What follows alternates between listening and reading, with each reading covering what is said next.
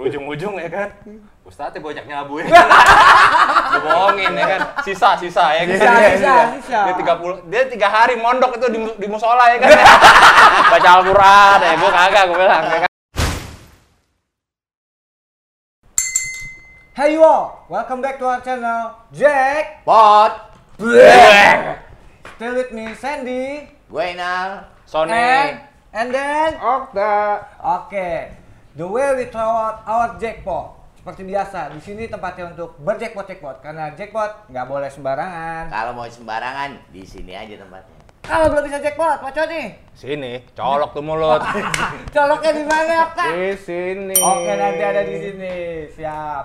Oke, ya sebelumnya gue terima kasih nih sama Sony sama Okta ya karena udah mau datang jauh-jauh hujan-hujan tadi ya.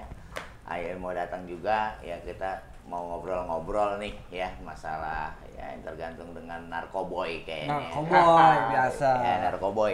Maksud gue eh gue sih mau ambil judulnya tadi gue udah ngobrol-ngobrol sama Sony sama Okta gitu katanya nih katanya narkoboy itu punya hak haknya Iya, gimana gitu. sih gue pengen tahu tuh Tunggu dulu nih, kalau bisa kita kita boleh introduce dulu nggak? Pak itu siapa? Okta itu siapa? Oke. Dari siapa dulu? Silakan. Okta dulu kali ya iya boleh, boleh. boleh nggak nyontek kalau di situ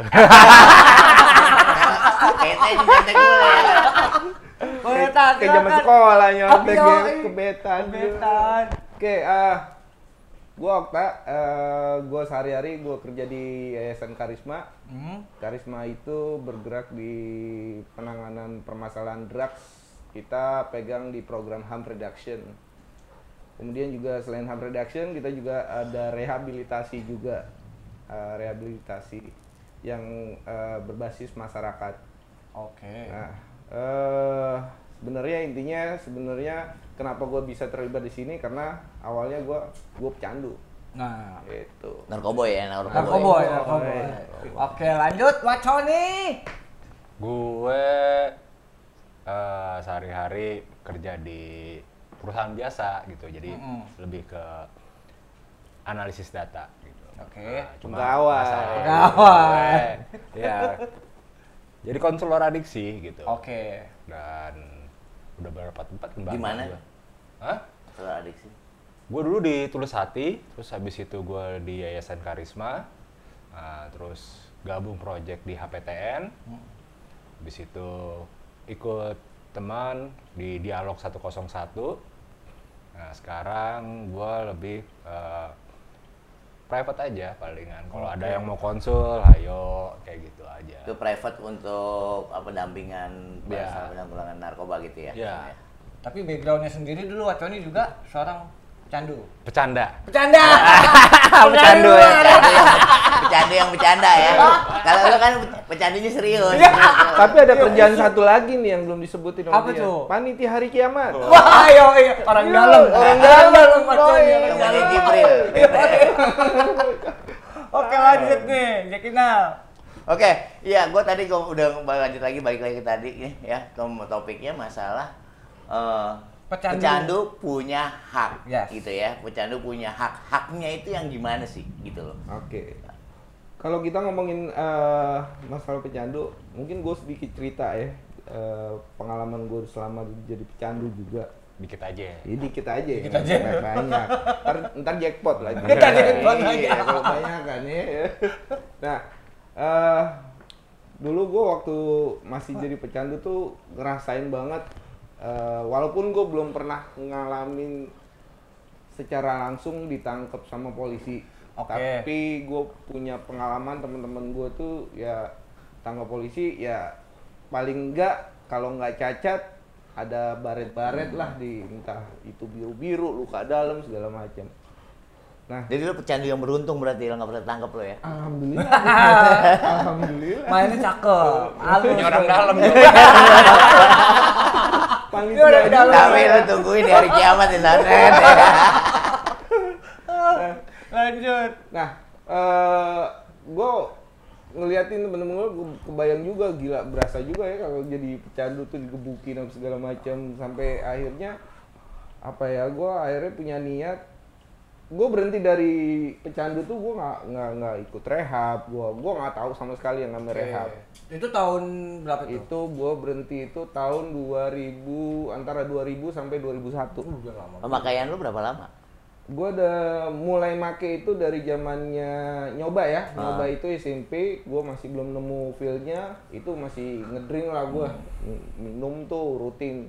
Tapi pas gue pakai heroin itu etep ya jenis etep di Indonesia kan itu SMP nyobain belum dapet SMA gue nyobain lagi dari kelas 1, kelas 2, kelas 3 nggak dapet itu ngedrek Oke. sampai ke kuliah nah di kuliah itu gue nemu tuh baru ini di drag gak dapet diapain gak dapet akhirnya gue suntik gue suntik Oh. akhirnya wah dapet Pe- nih Penasun, penasun. Yoi. Oke. Nah, Itu kan kalau dari lu tuh, ta ya kan? Gue takut ah. Cerita awal. Kalau Waconi gimana nih Waconi nih? Apanya? Ya cerita awal bisa kena Lo, gitu. ya dari awal akhirnya lo bisa akhirnya kerja sebagai aktivis Iya. di, di bagian data tadi akhirnya yang Sedikit aja ya. aja ya. ntar jackpot Ntar jackpot. Sama aja sih kayak dia gitu ya kan. Iya Cuman sih. setiap orang punya gue simpulin gitu bahwa setiap orang punya permasalahan yang sama dengan kecanduan. Eh, cuman beda waktu, tempat, orang. Yes. Itu kan. Dia tahun itu ya gua berhenti tahun Maret tanggal 3 Maret 2001. Wih. Busa. Nih. Berhenti 2001 sekarang udah 2021, 20 tahun ya. Makanya nih eh, informasi buat Jackpoters, Okta dan Waconi ini terkenal old timer. Ini kita semua out semua ini. Cuma dia pakai kacamata ini Oh, jadi timerin bentar lagi ya. Iya, jadi eh, mulai 2001 itu eh, masuk treatment lah.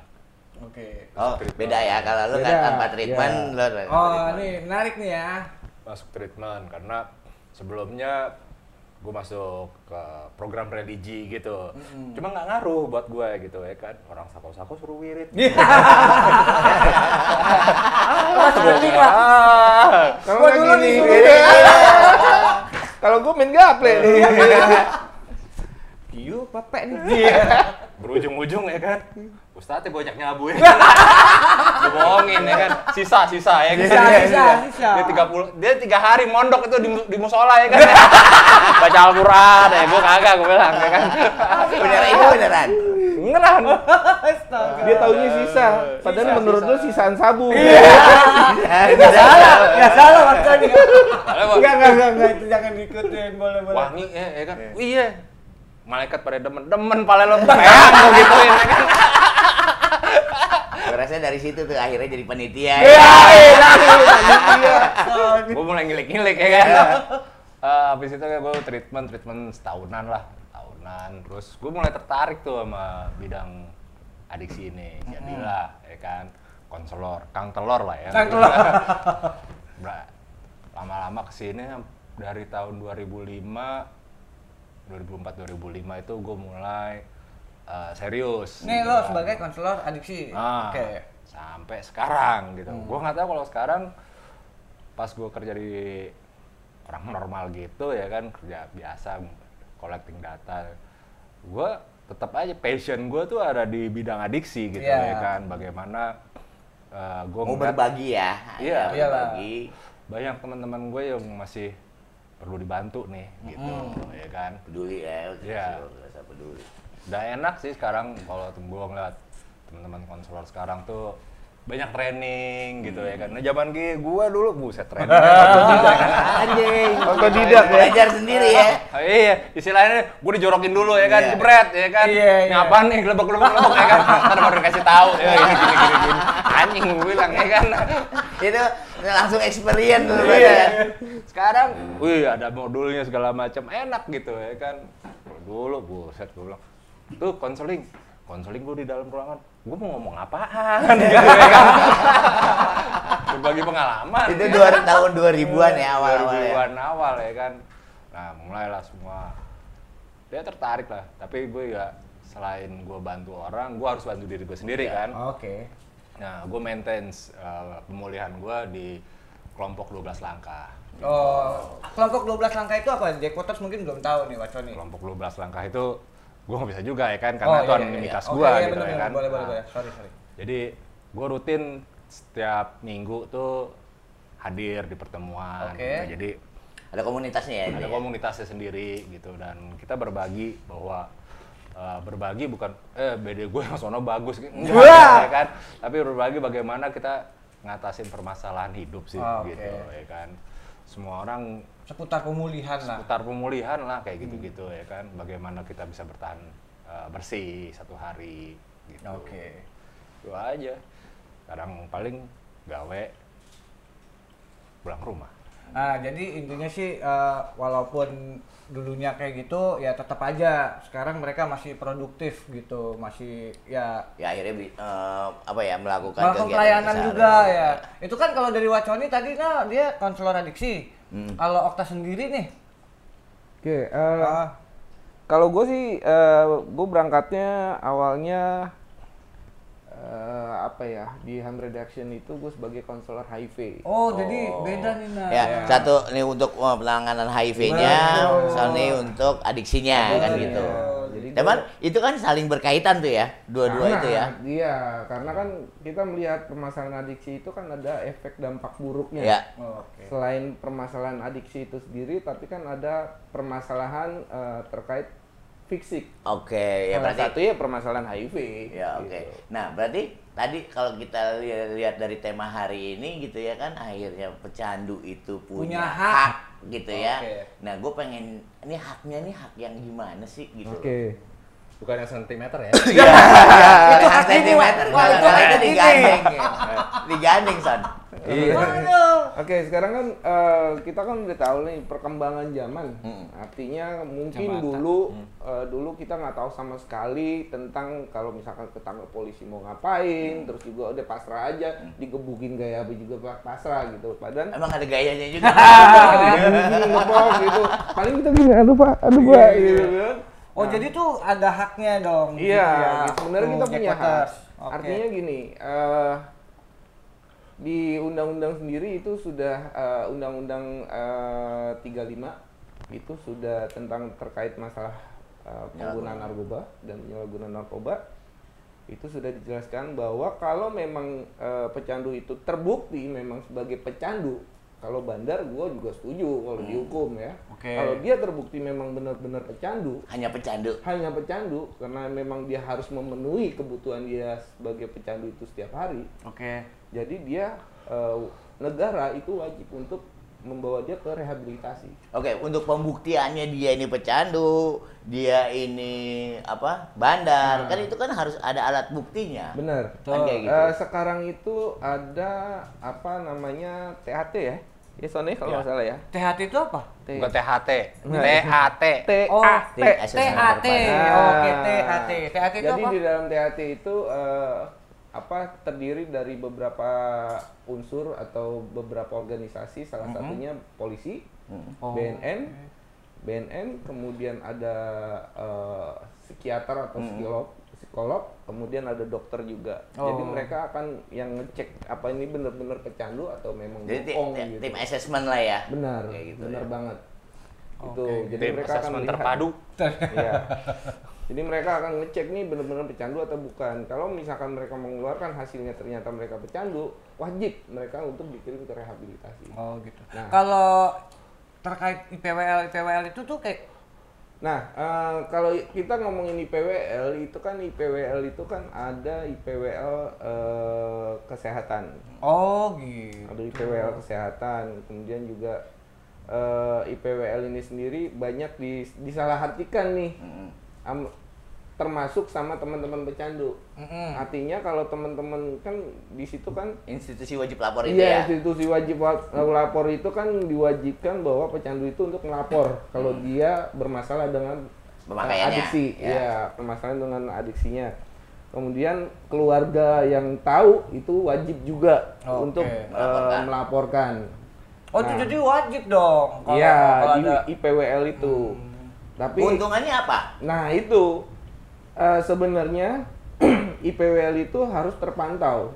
Kalau misalkan dia eh, mengikuti program IPWL, institusi wajib lapor itu, berarti dia dalam tahap proses penyembuhan. Ya. Oke. Berarti udah masuk program berarti. Program salah satunya rehabilitasi Hmm. bisa, kemudian juga terapi rumatan metadon. Nah, Oh, nah. Itu masuk masuk iya. IPWL Ah, juga. masuk bagian dari Nah, PWL. metadon itu tuh apa tuh? Waconi.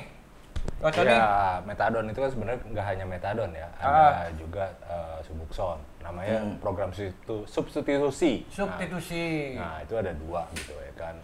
Yang kalau sekarang itu kan dipegang sama Kementerian Kesehatan. Oke. Nah, itu dia ininya di RSKU biasanya bisa diakses.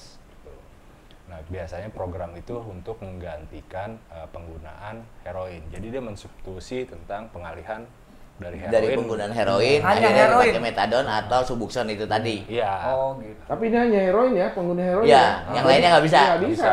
Ya misalnya Obat cacing nggak bisa. Iya, misalnya yang pakai misalnya obat-obatan yang lain gitu ya, pokoknya khusus buat Pengguna, pengguna, heroin. Iya, Oh, khusus gitu. Oke. Karena apa? Pengguna heroin ini kan eh, efek dampak buruknya itu apa ya kalau nggak ketangkep polisi Mati. OD, kalau enggak ya HIV. Heeh. Oke. Nah, untuk mencegah jangan terjadi HIV itu akhirnya di- dikeluarkanlah substitusi Ya itu. karena kalau pakai subuxon atau pakai metadon, Metadon tadi nggak pakai Kan jarum suntik disuntik, gitu iya, ya. bener. Kalau cara pakainya sendiri metadon dan subuxon itu Nah, kalau sebenarnya dua-duanya sama, itu di oral. di oral dengan cara di Iya, mulut tapi ya. bentuknya itu berbeda. Oralnya nggak keluar masukin. Bukan di ya. pulung, beda di pulung. Hmm. Nah, itu dia bentuknya ya kalau kayak berbeda. Kalau kalau metadon itu kan dibentuknya cairan. Oke. Jadi dia opiat sintetis disebutnya metadon itu. Hmm. Jadi sebenarnya basic dasarnya itu adalah bagaimana si pecandu itu bisa tetap apa ya menghandle masalah kecanduannya. Artinya dia kalau udah minum metadon itu Oke.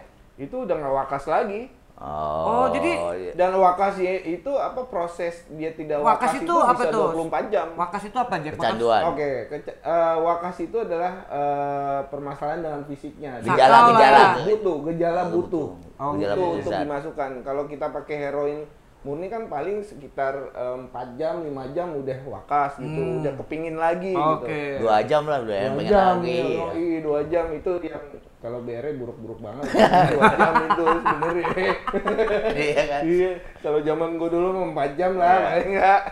Nah itu kalau pakai metadon, lu nggak akan ngerasain sakit 24 badan lu jam. selama 24 jam. Oh, tapi kalau misalnya si orang itu putus metadon, Ada resikonya sama kayak Untuk eh, zat sama heroin. Iya, sama kayak heroin. Kalau heroin kan eh, resikonya dia butuh sekitar satu minggu lah maksimal untuk Mari. memulihkan sakit fisiknya Kondisi, itu, kondisi biar- awalnya. Oh, Makanya berhentinya tuh Iya. harus dengan anjuran dokter. Dalam Oh, jadi nggak bisa main Oh, berhenti-berhenti aja tuh. Bisa. Harus bertahap, harus, harus bertahap. bertahap. Namanya tempering off dulu ya kan dari Iya. turunin dosis terat gitu. Kalau dia langsung Blok. blok ya berasa lu terguling-terguling dah. Iya, ya. iya, iya, itu Nah, Telentang terguling ya Iya. kan.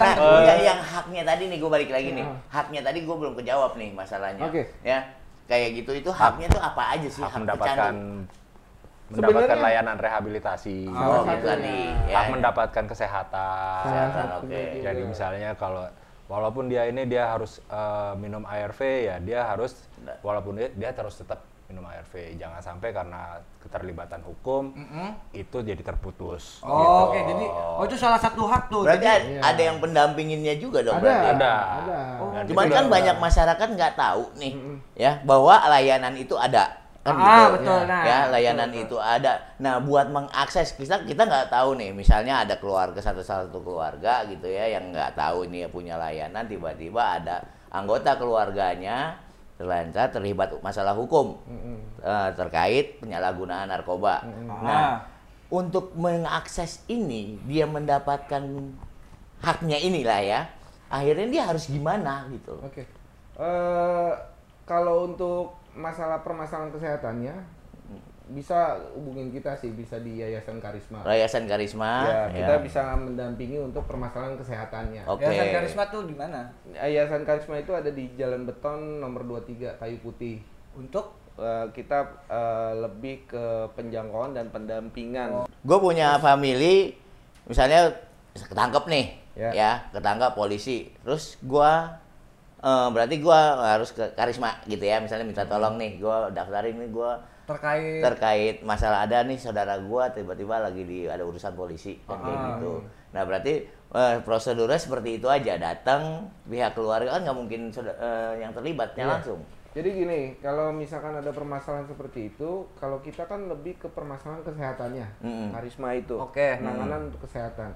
Tapi kalau misalkan dia eh, terkait permasalahan dengan hukumnya, Iya. kita tidak bisa. Oh, tuh lain lagi. Ada ada teman-teman kita atau teman jaringan kita itu mereka biasa nyebut diri mereka adalah sebagai seorang paralegal. Oh. Nah, paralegal itulah yang akan mendampingi. Tapi paralegal itu bukan pengaja- pengaja- pengacara ya. Ah, bukan advokasi nih. Bukan, bukan advokat. Oke. Gitu. Tapi Oh. mereka hanya mendampingi apa yang perlu dilakukan oleh si keluarga. Hmm. Jadi mereka mendampingi keluarga ini eh, si anak ini bermasalah dengan hukum, hukumnya pasal segini segini segini. Nah, itu akan dijelaskan ke keluarga. Jadi keluarga apa yang perlu dipersiapkan. Nah, itu salah satu hak pengguna juga tuh. Nah, seperti itu. Salah satu hak terkait permasalahan hukumnya ya. Cuman gue punya punya punya apa punya pengalaman gitu ya. Hmm. Ya ini temen gue ketangkap, ya kan ketangkap tiba-tiba di kantor polisi, kantor polisi. Ini udah ada yang ngurus ntar langsung aja nih sama pihak eh, ininya Iya, dari pihak iya. rehabnya Iya, kan iya. kayak gitu Iya. tuh udah ada. Ah. Cuman akhirnya juga ujung-ujungnya sama aja Iya. diduitin-duitin juga gitu loh. Iya. Gitu. Jadi kan gue jadi ini ini pendampingannya yang mana sebenarnya kan Oke. gitu. Itu banyak bos, itu banyak banget sekarang. Jadi sebenarnya gini, eh apa Tunggu dulu, permasalahan pen- itu gratis kan? Apanya nih? eh pena- pelayanan ini misalnya misalnya kayak tadi pelayanan kesehatannya, Oke. pelayanan pe- pelayanan Hukumnya. hukumnya, gitu Oke. kan. Banget, Gitu. banget, gratis banget. Oke. Gitu. Oke, eh, itu kan dari sisi harm reduction tadi, Okta. Nah, Hmm. kalau untuk Waconi sendiri nih, Waconi kan berge- bergeraknya di bidang treatment, Iya. eh, konselor adiksi. Itu eh, apa aja sih yang di Waconi kasih di sana gitu dalam treatment itu gitu? Kasih. Enggak maksudnya, eh, bukan maksudnya ini loh. Yang- yang diberikan. Ya, yang diberikan. Jadi sebenarnya dalam satu, gue jadi ngomongin alur ya, Iya. alur sebuah layanan rehabilitasi itu awal keluarga datang itu harus di eh, pecandunya itu di screening dulu, screening buat melihat tingkat eh, keparahannya dia semana sih. Ah, Oh dia nih butuhnya apa sih, Oke. gitu. Apakah dia butuh rawat inap atau rawat jalan? Hmm.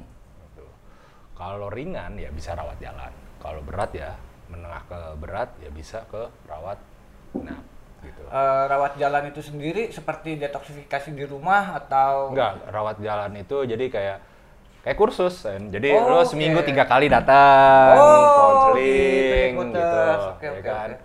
Atau seminggu dua kali gitu. Itu bisa kayak gitu. itu dengan Nah, habis itu habis screening baru kita lihat nih assessment. Ada proses lagi namanya assessment. oke Itu untuk melihat permasalahannya dia sebenarnya. Itu ada tujuh domain. ngegali lah. Ngegali tuh adiksinya gimana, sosial dan keluarganya gimana, keuangan pekerjaannya dia gimana, hukumnya dia gimana, eh, psikiatrinya dia gimana gitu. Jadi emang benar-benar digali pada saat itu. Habis dari situ baru dibuat rencana rawatan. Oke. Nah, rencana rawatannya ini dilihat, oh mana nih yang harus didahulukan gitu. Adiksinya kah, medisnya kah? Kalau misalnya Oh, medisnya, jadi ya ada harus berbagai bantu. aspek ya, Iya. ternyata ya. Iya, jadi kita emang kita lihat dari tujuh domain itu. Kita lihat gitu, mana yang perlu saat ini ditangani. Gitu, di situ.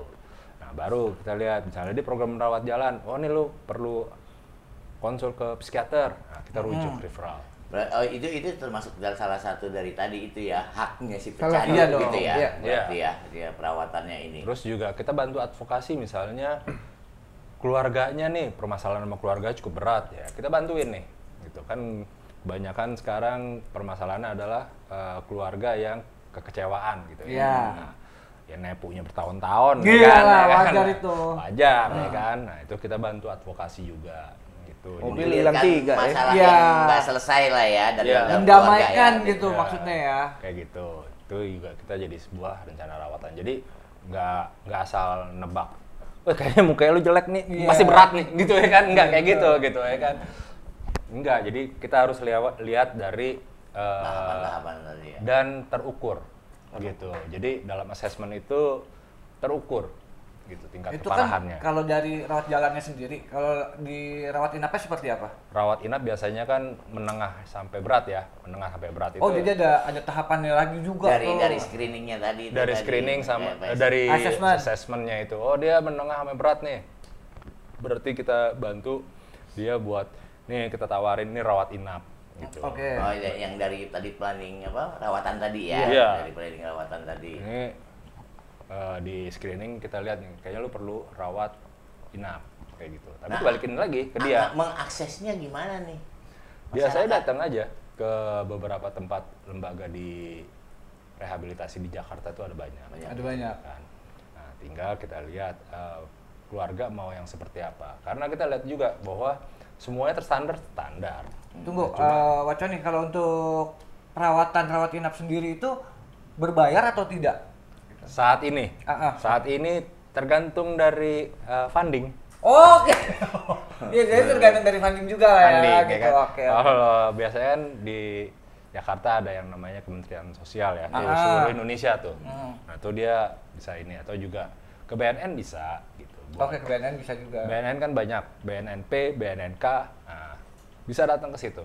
Oh, Atau mau langsung ke Lido? Bisa juga. langsung ke Lido sana ke Iya, BNN ya, harus ke bumi gitu. gitu jadi oh gue mau rehab nih di mana? Tapi kan gini nih Waconi, kebanyakan eh, orang-orang atau orang tua atau si anak terkait yang ter- terjangkit itu, maksudnya seorang pecandu itu, ah gue males lah masuk rehab nih, takutnya di rehab gue digebugin nah tuh gimana sih tuh? itu dulu banget tuh. Oh itu zaman dulu, tapi ada zaman dulu jackpot Zaman dulu. Zaman dulu pernah digebukin. Ah gue gak pernah, jenderal lah. Cuma Jadi- disentilin doang, disentilin. Sama potong sebenarnya pada saat lu datang ke rehab Ah, ah. pastikan dulu programnya Oke. Oke.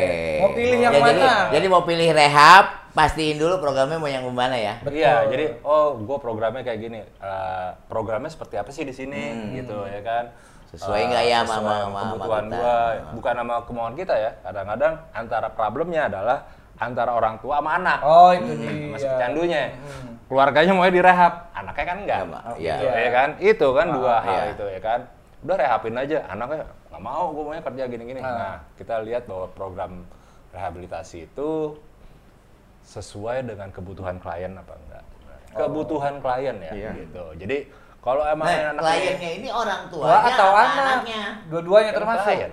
kita ngomongin itu klien itu adalah si pecandunya Kan Candunya berarti kan. Iya, nah, tapi kita juga harus melibatkan Orang tua. orang tuanya gitu Makanya itulah pentingnya asesmen. Mhm. Kalau misalkan anaknya misalkan kecanduannya nggak terlalu berat kok, ngapain dirawat Iya. inap? Oh. Perlu Ya, rawat orang jalan tua juga kan nggak paham nih ya Iya. sampai Iya. sejauh mana nih ya. Makanya pentingnya asesmen itu.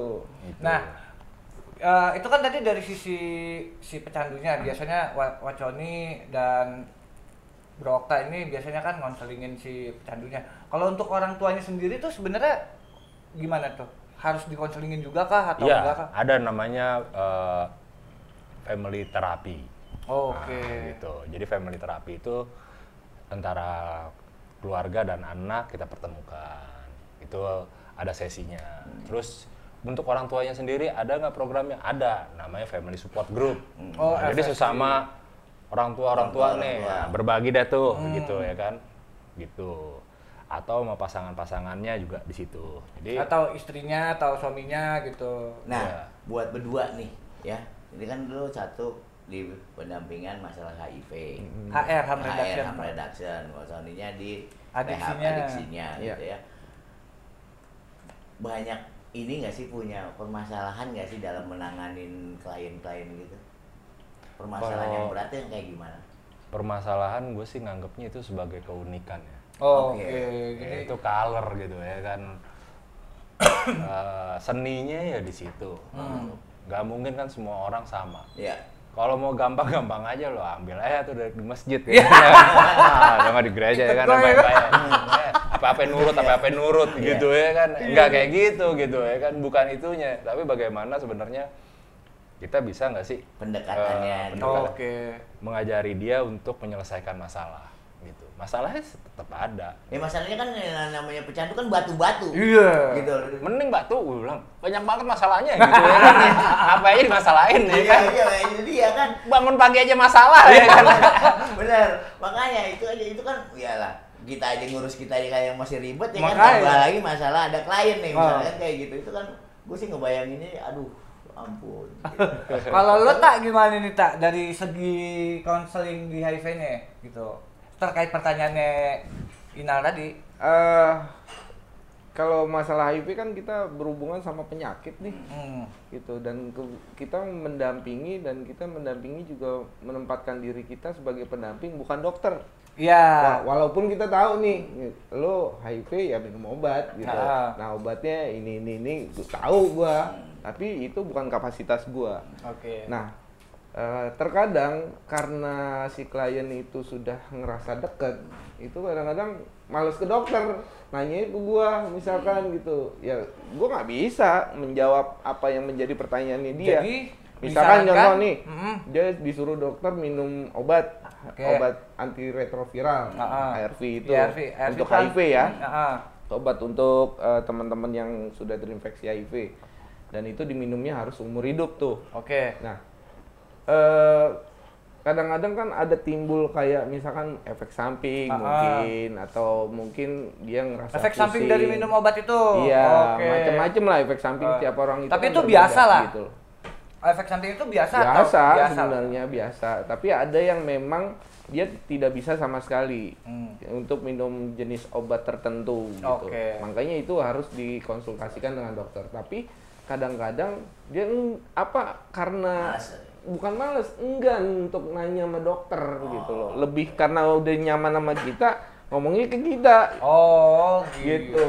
Itu itu seni sih sebenarnya, tapi akhirnya balik lagi kita mesti kasih edukasi mereka yang benar Ah. bahwa sebenarnya kapasitas kita itu bukan sebagai dokter yang bisa menyarankan mereka ya udah lu minta dokter lu ganti obat pakai obat ini nggak bisa ya jadi gue bisa kasih nggak kasih kesimpulan nih ya eh, berdua ini kerja itu kayak artis juga ya sebagai seniman lah ya Seniman. ya, Ya, artis, kenapa untuk menghadapi berbagai macam karakter gimana nih gue Hmm. bisa bisa apa menyelesaikan permasalahan-permasalahan bersama kan kayak Iya. gitu ya Ya, itu gue percaya bahwa eh, konseling itu adalah seni. Nah, komunikasi. Oke. Setuju. Ya, jadi konseling itu adalah seni berkomunikasi.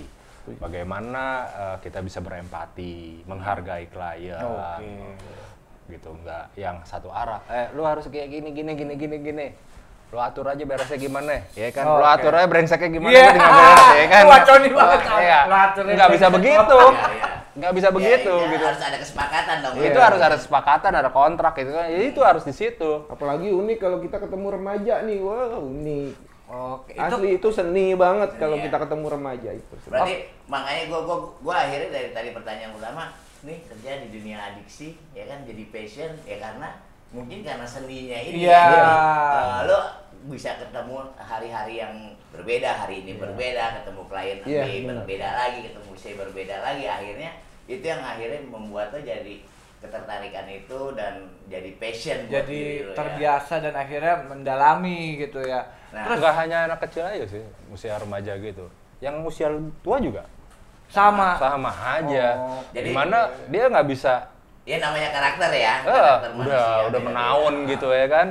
Banyak Lu mau ngapain kayak gini? tersendiri lah ya. Gue pernah diginin, eh zaman lu belum mabok, gue udah mabok duluan anjing gue digituin dengan lah. TikTokku tuh lah. iya kan, Oh, aja. Iya, iya. lu lu ngajarin gue lagi. iya, iya kan, gue lu ngajarin gue lo, sama aja lu ngajarin ikan berenang ya kan.